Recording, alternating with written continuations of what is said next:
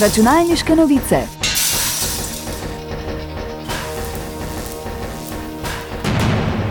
Prisluhnite novostim in zanimivostim z področja računalništva.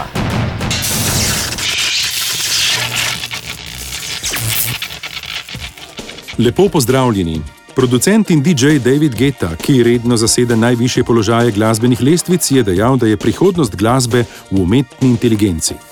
O tem se je prepričal kar sam, ko je pred kratkim v eni izmed pesmi uporabil umetno inteligenco in dodal vokal znanega reperja Eminema, ki je bil slišati neverjetno pristno. Skladba, ki jo je ustvaril s pomočjo umetne inteligence, ne bo nikoli komercialno izdana. Kljub temu ustraja pri mnenju, da bodo glasbeniki v prihodnosti umetno inteligenco uporabljali kot orodje za ustvarjanje novih zvokov, ker po njegovem mnenju vsak nov glasbeni slog izvira iz nove tehnologije. Računalniške novice. ASML, eden največjih dobaviteljev svetovne poprevodniške industrije in edini dobavitelj fotolitografskih strojev za ekstremno ultraviolično litografijo, je razkril, da mu je neimenovani kitajski delavec ukradel občutljive podatke. Kršitev so razkrili v nedavno objavljenem poročilu za leto 2022.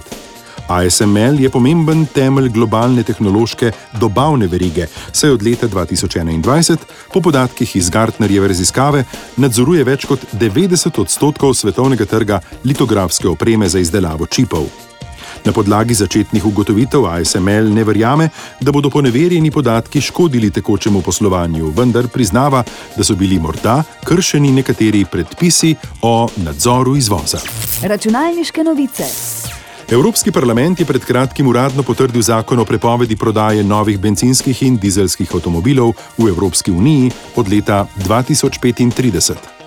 Cilj zakona je pospešiti prehod na električna vozila in narediti pomemben korak naprej v boju proti podnebnim spremembam. Zakon bo zahteval, da proizvajalci avtomobilov do leta 2035 dosežejo 100-odstotno zmanjšanje emisij CO2 pri novih prodanih avtomobilih. To pomeni, da morajo iz prodaje umakniti vsa vozila na notranje izgorevanje. Zakon je določil tudi 55-odstotno znižanje emisij CO2 za nove avtomobile, prodane od leta 2030. Računalniške novice. Kitajska mobilna aplikacija TikTok ima že več kot 2 milijardi prenosov na pametne mobilne telefone in tablične računalnike. Evropski politiki pa z uporabniki ne delijo navdušenje nad kitajskim družbenim omrežjem.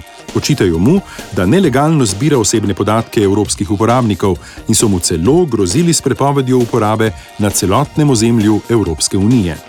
TikTok se je odzval z napovedjo o selitvi vseh osebnih podatkov na strežnike na evropskih tleh. Poleg tega bo vzpostavil vsa pravna varstva, ki ščitijo evropske uporabnike pred zlorabo osebnih podatkov. Prenos podatkov naj bi začeli v naslednjih mesecih in končali do začetka prihodnjega leta. Računalniške novice. Toliko za danes, hvala za pozornost, nasvidenje prihodnič.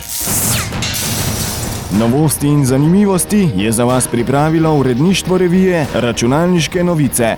Prisluhnete nam lahko ponovno naslednji teden ob istem času.